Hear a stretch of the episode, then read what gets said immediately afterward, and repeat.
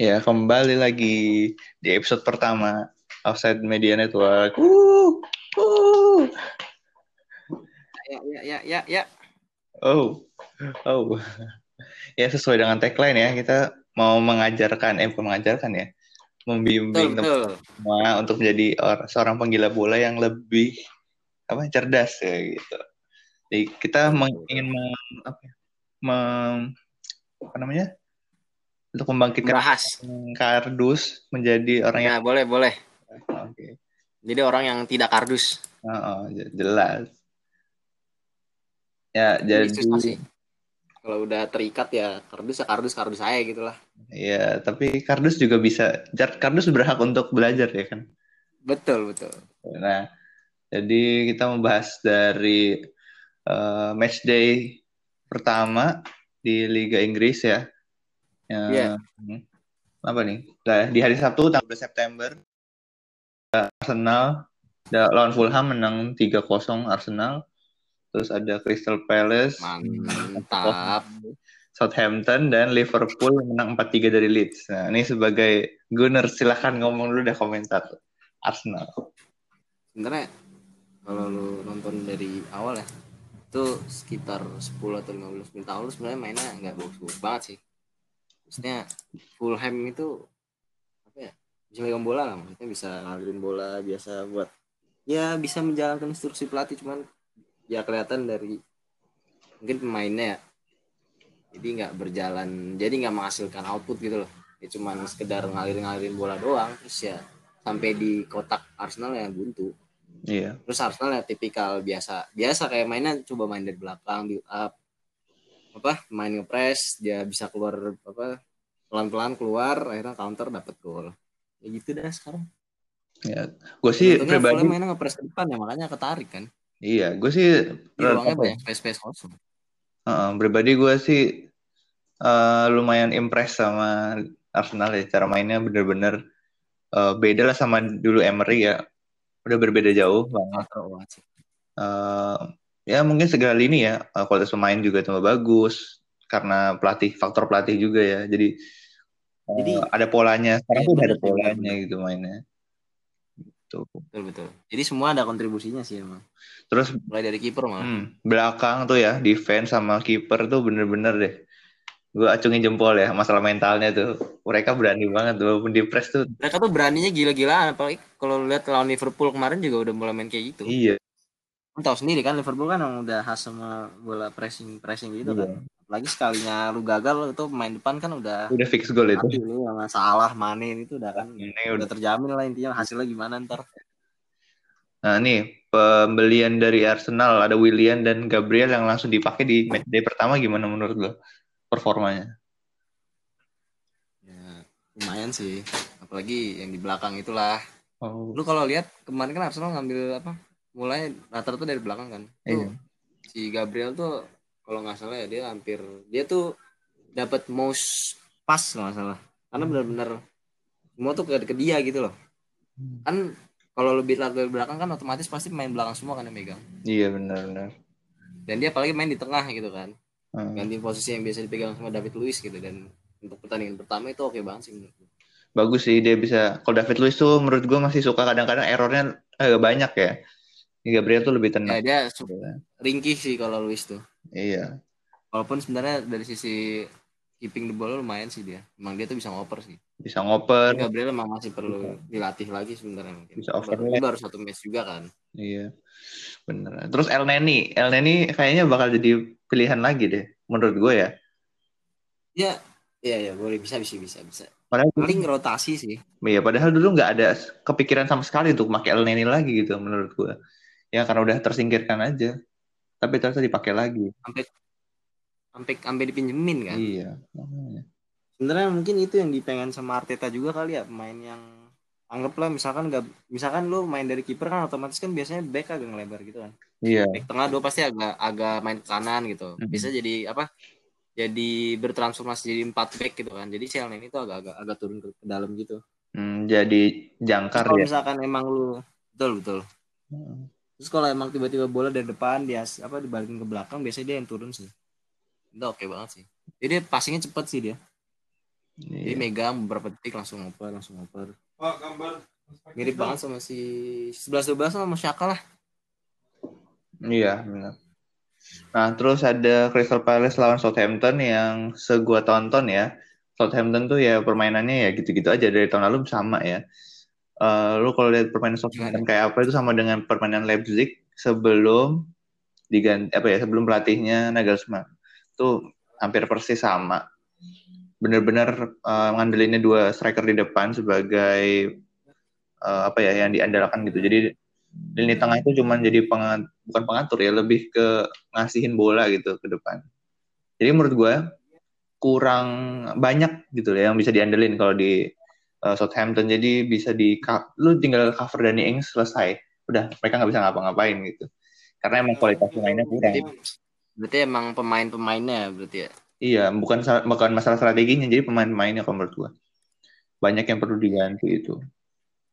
Pada sedang Kapasitasnya terbatas gitu. Uh, Crystal Palace sendiri lu tahu sendiri lah dia gimana kan counter attack-nya. Wilfried Zaha Mainnya main cepat-cepat gitu kan. mainnya cepet banget Itu kan dan skill individu Lagi yang- bagus mereka. ya, itu yang main baru itu tuh yang siapa tuh? Eze Eze SD ya itu oke banget sih. Zaha juga. Zaha. Nah terus ada yang Tapi statsnya Southampton 7-1 ya, gede juga. Kalau gue lihat di ini sekarang nih. oh iya posisinya ya Iya, gede juga 7-1, gede banget malah. makanya. Nah ini terakhir nih Liverpool Leeds. Nah ini gue demen banget lah bener. Ngeliatnya seru banget gue. Liverpool Leeds itu. Ini banget sih, apa? eh di luar dari Leeds yang emang jor-joran Liverpool juga mas lagi apa ya? Sering banget blunder gitu loh. Oh iya. gue nggak tahu lagi kenapa dah. Mungkin Terus apa ya? Alisson jadi gampang dibobol gitu kan kenapa ya? Ya, kalau menurut gue gara-gara motivasinya udah berkurang sih. Kalau dulu kan kayak bener-bener nih the first time semenjak 30 tahun sih. gitu kan regular. Betul betul betul betul. Jadi apa Bisa sih, bisa bisa. tuh kalau menurut gue. Mungkin semangatnya Jadi agak longgar ya. yang gue ya, sorotnya sebenarnya Leeds-nya sih. Permainannya tuh bagus ya dan mereka konsisten main bagusnya. Nggak sekali-sekali doang gitu. Bahkan pertandingan tadi kayak gitu walaupun lu kalau nonton is- keren banget itu. Pas mereka tapi lawan riskan banget ya. Fulham. Apanya? Itu apa terlalu menguras stamina gak sih lu apa markingnya benar-benar satu satu Iya, satu, heeh. satu orang gitu gila banget itu Cuman yang gue suka cara dia nyerangnya. Tapi- Itu udah bener-bener teks bukan textbook ya, lu udah dilatih gitu semuanya.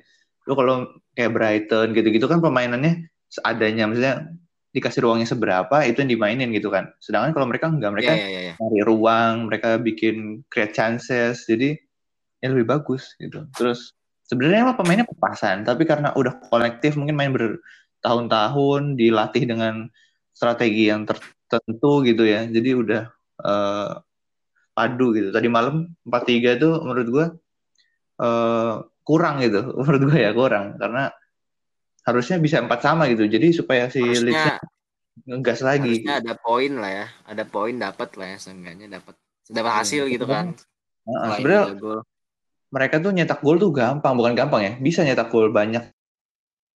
Juga banyak mereka. Itu masih Cuman kelemahannya ya, Leeds di situ. juga kan kalau lihat kebobolannya kan kalau lihat juga dari apa ya ya teledor handball lah Hmm. Terus itu Rodrigo ngapain itu kakinya keluar gitu loh bingung banget gue Iya.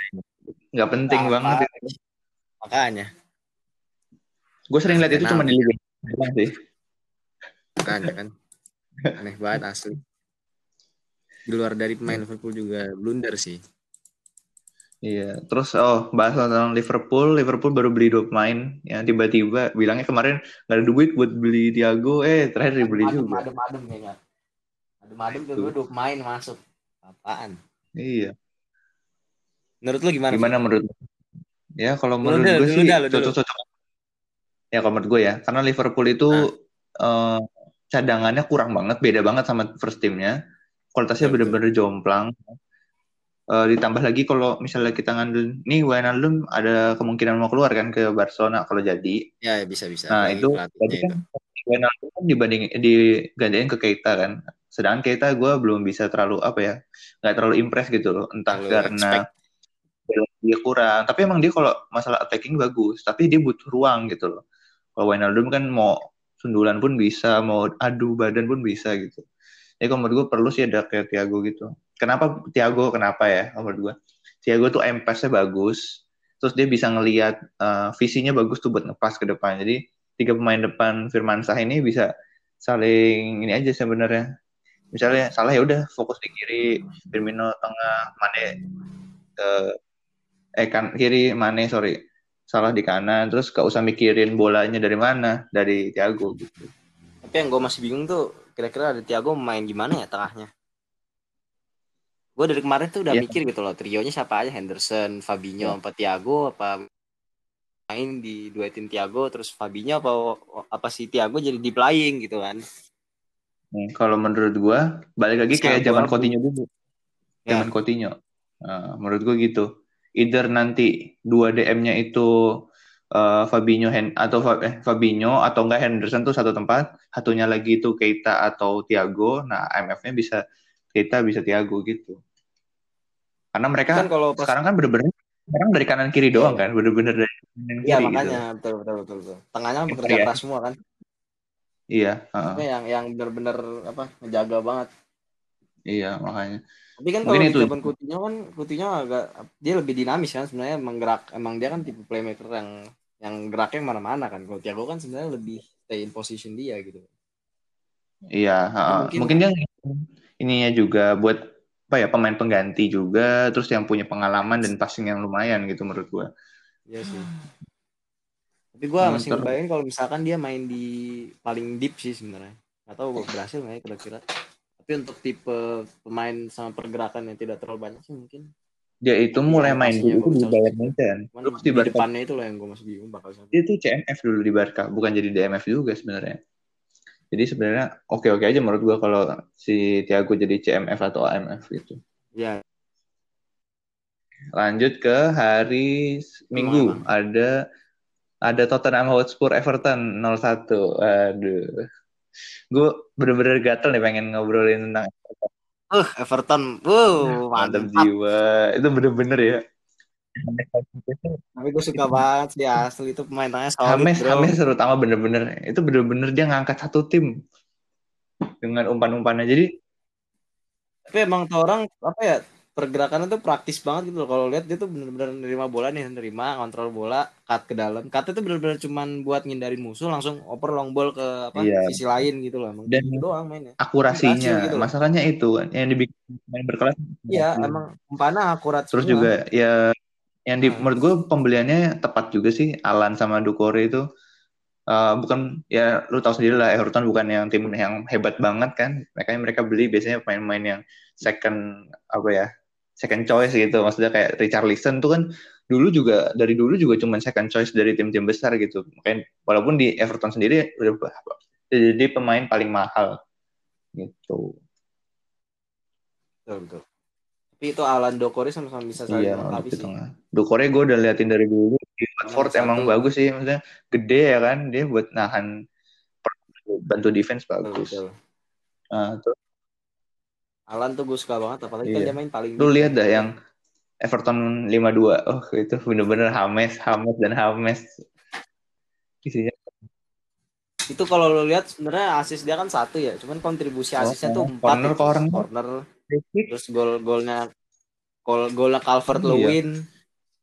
Itu Hames kan? udah bener-bener Hames cuman yang masih gue heran kenapa Hames ditaruh di kiri gitu kenapa nggak di tengah gitu? Maksudnya dia playmaker kan kalau di tengah kan dia lebih bisa ke kanan, ke kiri. Jadi pemain kanan sama kiri itu biar fokus aja depan, lari-lari gitu.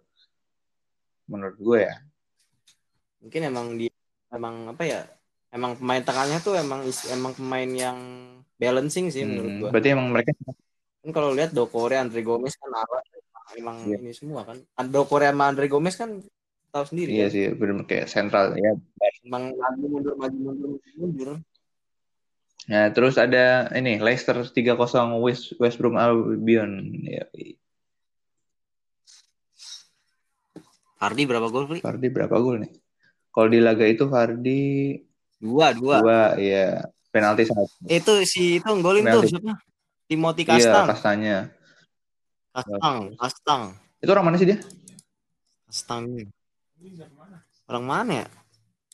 Orang Belgium ya? Apa apa apa apa apa? Iya, yeah, Belgium dia, Belgium. Belgium.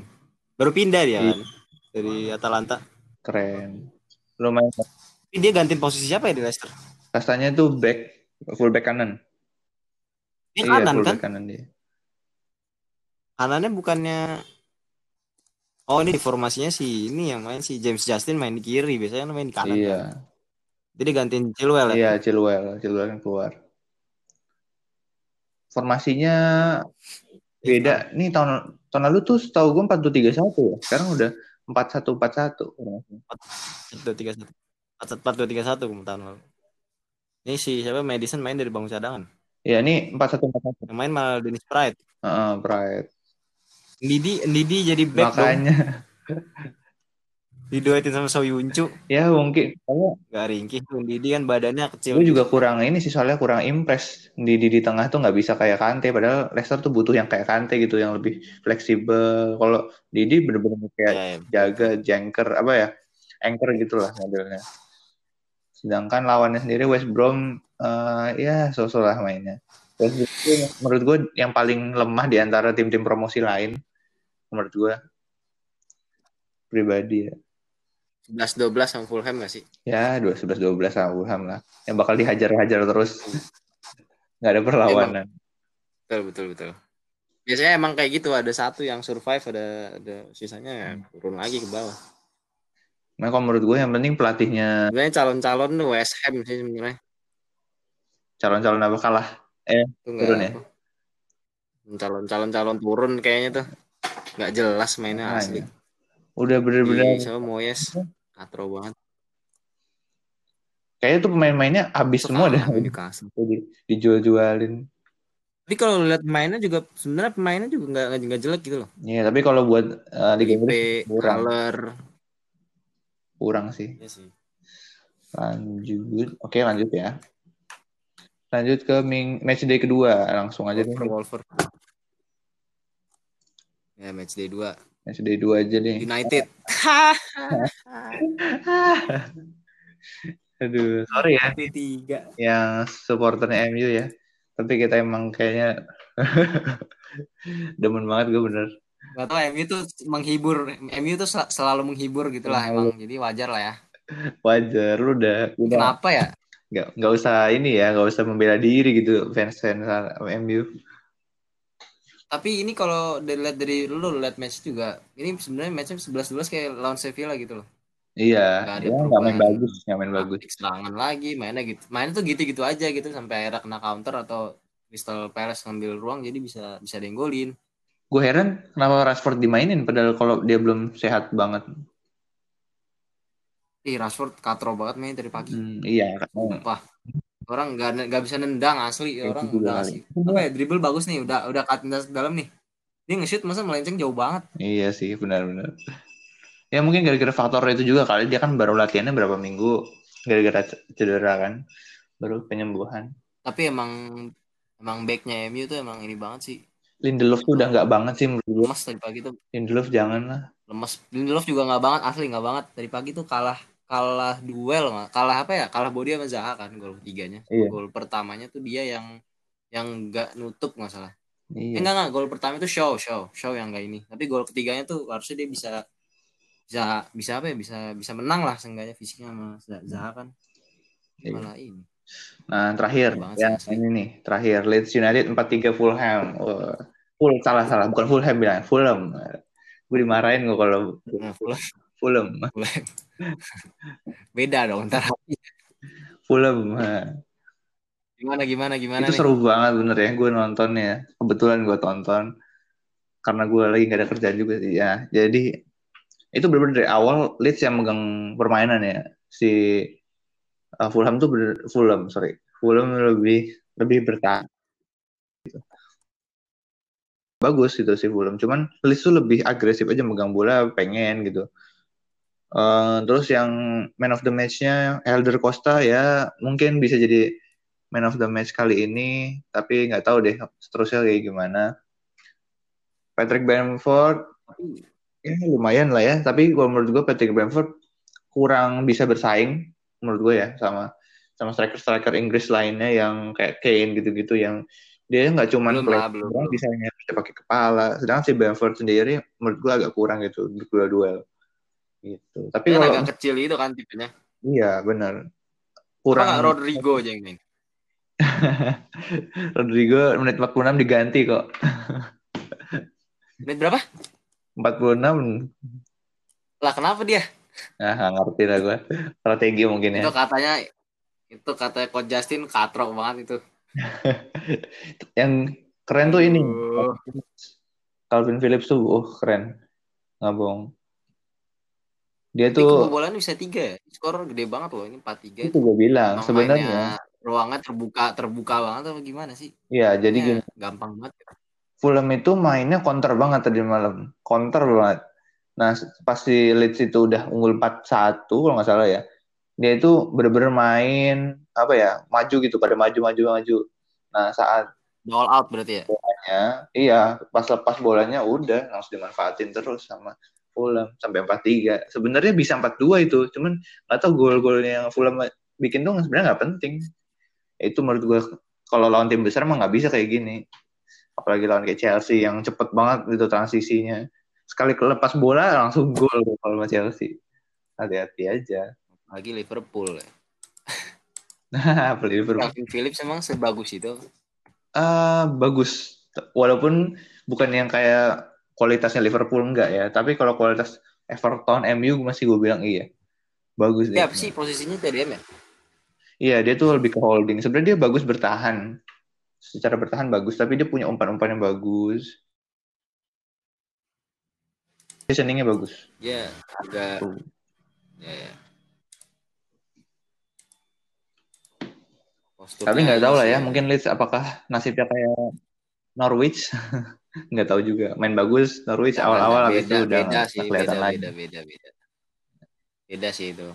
Norwich Harusnya emang lebih. banget sih Norwich tuh. asalkan nggak ada kayak kekalahan nih kayak gini-gini nih ngerinya apa kalau misalnya kayak kalah 5-0 nah itu langsung ngedown tuh pemain nah, jangan sampai aja Iya, ya, kayak betul, gitu betul. Ini yang main Areola udah main ya tadi tadi. Karena kan minggu lalu tapi nggak ada guna dia tetap Lawan. Fulham bukan Main bukan tapi kebobolannya kebobolan 4 juga nih gimana dah nih orang.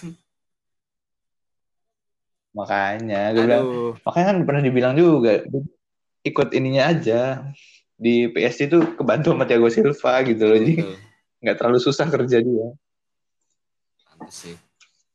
Tiba di Fulham. sama terakhir nih Arsenal 2-1 Fulham. West Ham Itu mainnya bagus di babak pertama, main di babak kedua asli hancur-hancuran. Ah, makanya Habis kebobolan satu tuh apa Iya. ya? Jadi malas-malasan mainnya kan. Kalau Arteta kan mainnya ini kan Iya. banyak lebih apa ya? Semua main harus gerak kan, gerak, gerak, muter mana cari ruang. Itu setelah half Iya. time.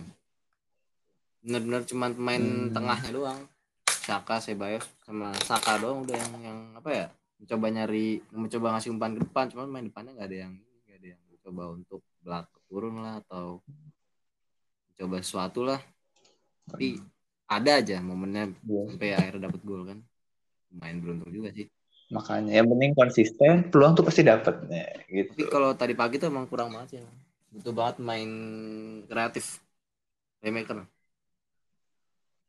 Gak bisa terus Hmm. ngandelin apa ya nggak bisa terus Iya. ngandelin tiga empat tiga kalau emang lawannya lawan yang tim secara attacking bukan main yang yang attacking banget tapi nggak parkir bis juga cuman emang defensifnya dia rapet gitu loh. Iya. Apalagi yang parkir bis kan kalau yang lawan yang kayak yang yang defensifnya yang nggak terlalu parkir bis cuman agak rapat nggak ngasilin space aja udah susah gimana yang parkir bis gitu. Kalau nggak ada gelandang kreatif. Ya udah segitu dulu buat yang Liga Inggris. Kita ketemu lagi di segmen selanjutnya bahas Indonesia U19 oke? Oh, balik lagi di segmen 2 kali ini kita Indonesia U19 eh, training training? Iya training center di Kroasia. Training training training. Ya gimana udah gimana nih? sebelum kita bahas ke Indonesia lu coba ini breakdown dulu deh. Kayak gimana sih Sintayong terus apa yang mau dilatih gitu di Kroasia? Kenapa di Kroasia gitu? Nah lu dulu. Mungkin ini ya karena kalau lu lihat lagi pengalaman timnas dulu yang zaman Evan Dimas kan dia main bagus banget gitu kan di uji coba. Cuman kalau lihat uji cobanya kan lawannya benar-benar tim lokal semua kan hampir turun Nusantara kan yang dulu turun Nusantara hmm. terus benar-benar. Dan waktu kompetisinya udah dimulai malah mainnya kan blok gitu.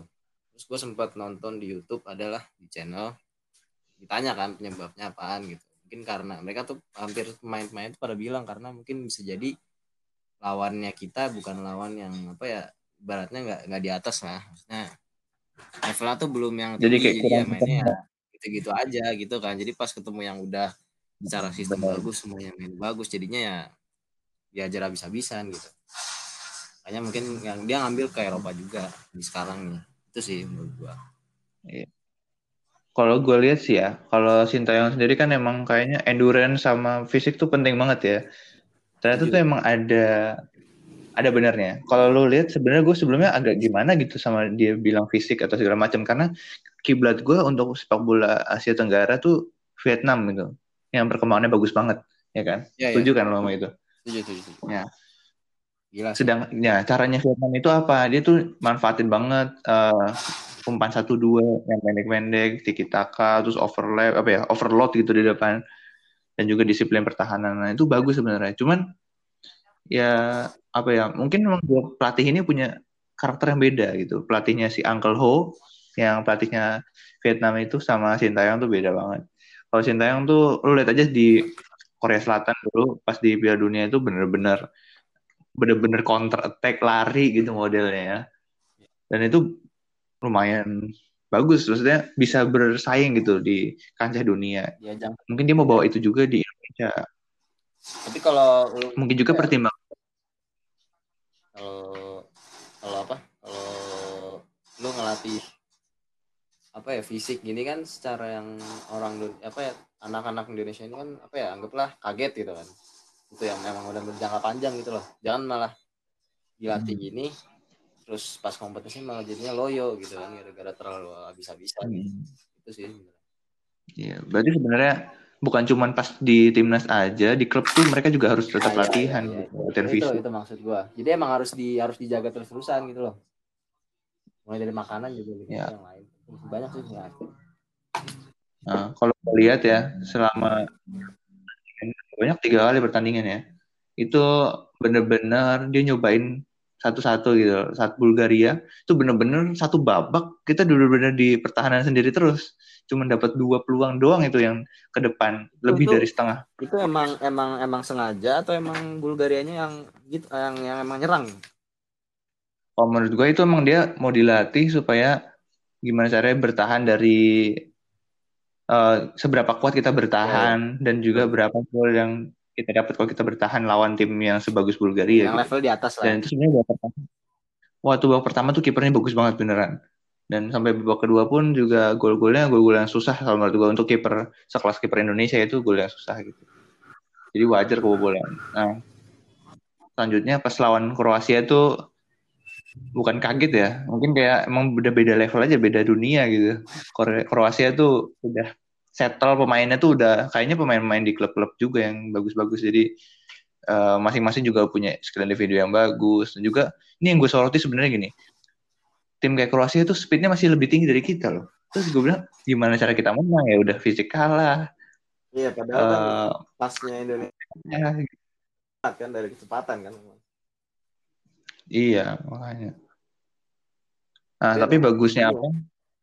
Mulai pertandingan yang Saudi Arabia itu sebenarnya ada dua faktor selain lawannya emang lebih di bawahnya Kroasia dan Bulgaria. Terus juga Indonesia udah mulai berani nih nyerang. Nah, mulai di pertandingan Saudi Arabia itulah yang kita nyetak gol bener-bener karena nyerang gitu. Kalau golan Kroasia terus yang lawan Bulgaria itu bener-bener nggak kelihatan lah. Bener-bener kayaknya emang dilatih untuk bertahan. Seberapa kuat kita bertahan, terus gol-gol macam apa aja yang bisa kita bawa bola setelah bertahan kayak gitulah segala macam. Nah, um, terus yang gue soroti sebenarnya di pertandingan yang Arab itu si nomor 27 ya Bray Fatari itu menurut gue nggak ada beda sama orang Arab anjir. Itu bener-bener fisiknya, mukanya, cara main itu udah kayak orang Arabnya, udah kayak si lawannya gitu. Itu yang lawan Arab berapa berapa ya? tiga tiga runner tiga tiga itu emang dari itu berarti emang apa ya emang dari mainnya udah lumayan ya berarti nah jadi itu sebenarnya tiga satu tiga satu ya. sampai hampir terakhir itu baru Indonesia di menit di menit apa ya sebelum pertandingan selesai itu baru mulai uh, ngepres gitu ngepres besar besaran sehingga bisa nyetak dua gol akhirnya nyama menyamakan kedudukan jadi tiga sama. Nah kemarin juga loh, pas lawan Qatar tuh setelah gol pertama itu Indonesia udah mulai berani tuh maju maju maju. Setelah maju itu udah mainnya empat empat dua lagi mundur lagi nunggu peluang counter attack. Pada akhirnya dapat juga walaupun satu gol. Tapi bagus sebenarnya gol yang kedua lawan Qatar itu. Uh, gue sih expect banyak ya Indonesia. Jadi gue tuh bener-bener nungguin gitu sekarang modelnya bahkan gue lebih nungguin itu daripada nungguin La Liga menurut gue La Liga ya udah belum belum sampai sana lagi gara-gara uh, Barcelona dan Real Madrid lagi membangun lah ya. Ya baru membangun lagi. Tapi kalau ini berarti emang nah. apa ya? Emang emang levelnya negara yang Eropa emang jauh sih ya berarti ya. Kalau lihat dari iya. sisi skor kan mereka udah Asia kan tipis kan, iya, sering lah menang. Ya kan? Main di liga-liga yang bagus. Aja. Berarti emang kemarin tuh lawan lawan Qatar tuh emang mereka dapat satu gol emang Indonesia yang bertahan bagus atau mereka yang serangnya ini? Kalau menurut gua faktor Biasa karena aja. anak muda juga kali ya, anak muda juga. Jadi masih ada kelemahan-kelemahannya. Ya, Mungkin kalau lawan Kroasia yang senior mah udah nggak mungkin bisa nyetak gol. bisa pun gol-gol kasihan gitu. Kroasia itu emang kayak udah udah terlatih banget sih. Kayak emang udah profesional. Iya, bener-bener. Menurut gue tuh pemain-pemain Kroasia U19 sekarang itu bakal main di Kroasia senior nanti lu lihat aja deh ada beberapa yang kayak tembus ke Liga Top Eropa. Contohnya kayak Korea Selatan dulu yang tahunnya Evan Dimas itu udah alumni alumninya udah lumayan tuh. Kayak oh, Hican, ya? Hican oh. Hican ya keren lah. Ya, lumayan. Di Leipzig ya iya. Gila sih. Keren keren keren. Iya, selain itu bisa gue bilang uh, menarik sih permainan Indonesia. Beda banget sama kita dulu kan modelnya pakai filosofi permainan sepak bola Indonesia ya 4-3-3, possession, banyak uh, pakai skill individu juga, tiki taka, tapi sebenarnya nggak pernah terlaksana gitu. Nah, di Sintayong ini menurut gue dia udah bukan menemukan yang tepat ya. Dia bisa memilih pemain yang sesuai sama apa yang dia mau gitu. Jadi kadang-kadang kayak lu contoh di ini deh di contoh di senior Rico Simanjuntak tuh sama dia nggak dimasukin Kenapa? Karena kurang tinggi menurut dia. Karena emang benar kalau lu main ke Sintayong ini, lu butuh body, lu butuh speed gitu ya, butuh endurance. Jadi nggak usah pemainnya bagus-bagus banget skillnya, yang finishingnya bagus-bagus tuh nggak perlu gitu. Karena itu pun bisa dilatih. Tapi model fisik dan model endurance tuh udah harus harga mati lah. Ini gitu. aja Sultan Sultan Ziko aja dicoret kan kemarin.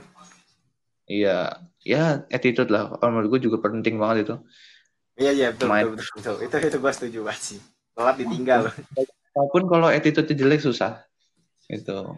Nah, Balotelli contoh Balotelli. Ya Balotelli bisa main bagus satu pertandingan tapi 17 pertandingan tentu itu. Dan pelatih itu pun malas jadinya kalau dapat pemain gue pun juga gitu. Nah, bakal ya kalau dari timnas sih menurut gue udah lumayan bagus ya 4-4-2 tuh gue gue juga pribadi sih gue prefer 4-4-2 karena apa ya lebih solid lebih kokoh terus juga nggak bertele-tele mainnya mainnya direct direct gitu.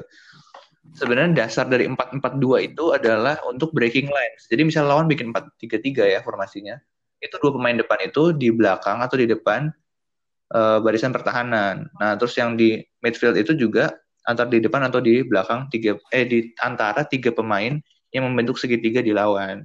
Jadi emang 4-4-2 tuh gue banget lah istilahnya. Karena gue setuju sama permainan sepak bola modern yang direct aja. Terus gak kebanyakan kita gak out gitu kayak zaman dulu. Kayak gini. Tapi emang udah berubah daripada yang dulu Indonesia dulu banget yang mainnya cuma long bolong bolong jelas depan apa ya perubahan pertamanya jelas kita maunya apa gitu. Terus yang kedua konsisten lebih konsisten daripada dulu. Kalau dulu tuh kadang-kadang ah kita kita bisa nih menang lawan Malaysia nih, eh ujung-ujungnya nggak menang. Karena apa? Lagi main jelek. Ya sekarang tuh nggak ada kayak gitu. Nggak ada alasan main jelek. Yang ada berarti karena kurang apa kurang apa. Kena nih perbedaan main jelek atau uh, strategi yang jelek ya gini. Kalau misalnya lu main 4-3-3 kan otomatis lu harus main taka dan segala macam bagus umpan-umpan lu harus tepat gitu segala macam. Nah di situ nggak ada kata strategi yang jelek karena strategi 4-3-3 itu bagus gitu. Sedangkan kalau strategi 4-4-2 itu emang bener-bener buat bertahan buat counter gitu. Jadi strategi apa ya jadi kalau emang lagi kalah itu ya bukan gara-gara strateginya jelek tapi karena emang lagi mainnya jelek. Sedangkan kalau eh itu yang 4-3-3 sorry. Kalau yang 4-4-2 tuh emang strateginya nggak bagus-bagus amat jadi kalau kalah pun ya berarti emang strateginya kurang untuk uh, poin. Makanya kalau misalnya tim kayak Indonesia gitu ya yang kalah dari segala sisi tuh menurut gue pribadi nggak usah 4-3-3 dulu deh. Tiga tiga itu untuk tim yang udah materi pemainnya bagus gitu. Itu udah cocok. Nah, masalahnya kita kan belum nih. Ya udah deh kita main utamain pertahanan dulu. Jadi kalau main empat empat dua kan otomatis delapan pemain di belakang dua pemain depan untuk counter gitu kan. Ya, ya. Nah, itu lebih cocok. Tiga ini sih. Empat tiga tiga lebih cocok gimana? yang udah punya yang udah punya chemistry satu, satu sama lain sih ya. Empat tiga tiga tuh. Betul. Dan juga skill. Tapi gue suka banget ya. Walaupun sebenarnya pemain-pemain yang Indonesia U19 ini di timnya atau di akademinya juga nggak main 4-2 4-4-2 tapi itu lebih cocok untuk tim-tim yang menurut gue supaya mereka nggak lemah-lemah banget. Karena mereka bukan manfaatin uh, keakuratan manfaatin ruang di antara lini gitu. Jadi breaking lines. Mereka ngebreak lines yang dibikin oleh formasi lawan gitu. ya, ya udah. Ada lagi nggak dari kalau nggak ada udah nih. menurut lu yang aja. paling bersinar pemain siapa nih Menurut gue ya, kalau menurut gue sih secara overall tuh kaptennya David Maulana tuh bagus. Maulana tuh okay banget. Bagus dia punya apa ya? Sama yang itu gue bilang nomor 27 tuh Brave Fatari itu bagus. Itu dari mana ya? Kayak gue pernah uh, nggak tahu deh. pernah denger ya itu. Jadi Sempet banyak masuk berita loh itu orang. Iya. Coba. Coba gue cari ya. Oh, anak dia akademi Persija. Itu tapi si siapa si David Nolan itu emang apa ya? Legend-legendnya Indonesia juga pada bilang sih. Kalau waktu itu gue pernah nonton video disuruh milih kan di zamannya ini sekarang katanya salah satu pemain yang dia suka ya itu David Maulana. Jadi ini orang kalau emang dilatih bener-bener bisa bisa bagus sih. Hmm. Kapten kan dia? Iya. Ya kan. Kapten.